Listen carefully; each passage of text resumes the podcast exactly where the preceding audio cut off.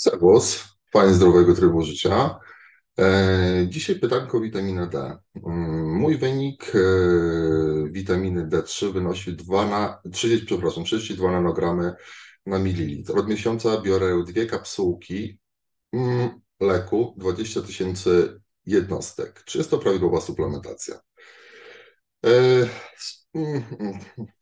Ciężko mi powiedzieć, ponieważ nie, nie znam wyników, jakie są po stosowaniu tego leku. Generalnie założenie słuszne. Masz e, witaminę D nisko, bardzo nisko, w dolnej granicy e, normy, więc jak najszybsza interwencja farmakologiczna, suplementacyjna, żywieniowa, farmakologiczna w tym przypadku, bo takie stężenia to są tylko, to są tylko w lekach, e, jest jak najbardziej zasadne. Pytanie tylko, czy dwie tabletki w miesiącu, kapsułki w miesiącu to jest y, odpowiednia dla Ciebie ilość. Nie znam masy ciała, nie, do, nie dostarczyłaś e, żadnych informacji na ten temat, więc jedyne co mogę powiedzieć, to żeby kontrolować poziom witaminy D z tygodnia na tydzień i ustalić dawkę właściwą.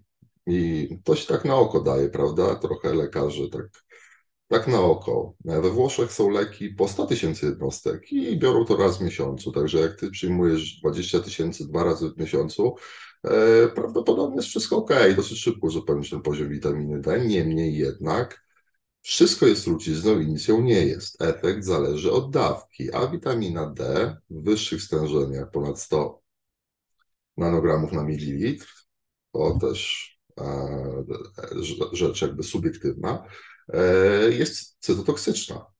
Także uważaj na to i jedyne, co Ci mogę zalecić, to systematyczne sprawdzanie poziomu witaminy D do momentu osiągnięcia stanu ponad normę. Ja tak zawsze staram się trzymać swoich e, klientów, pacjentów w stanie norma plus, prawda? Czyli średnia plus połowa średniej, nazwijmy to jeszcze do tego.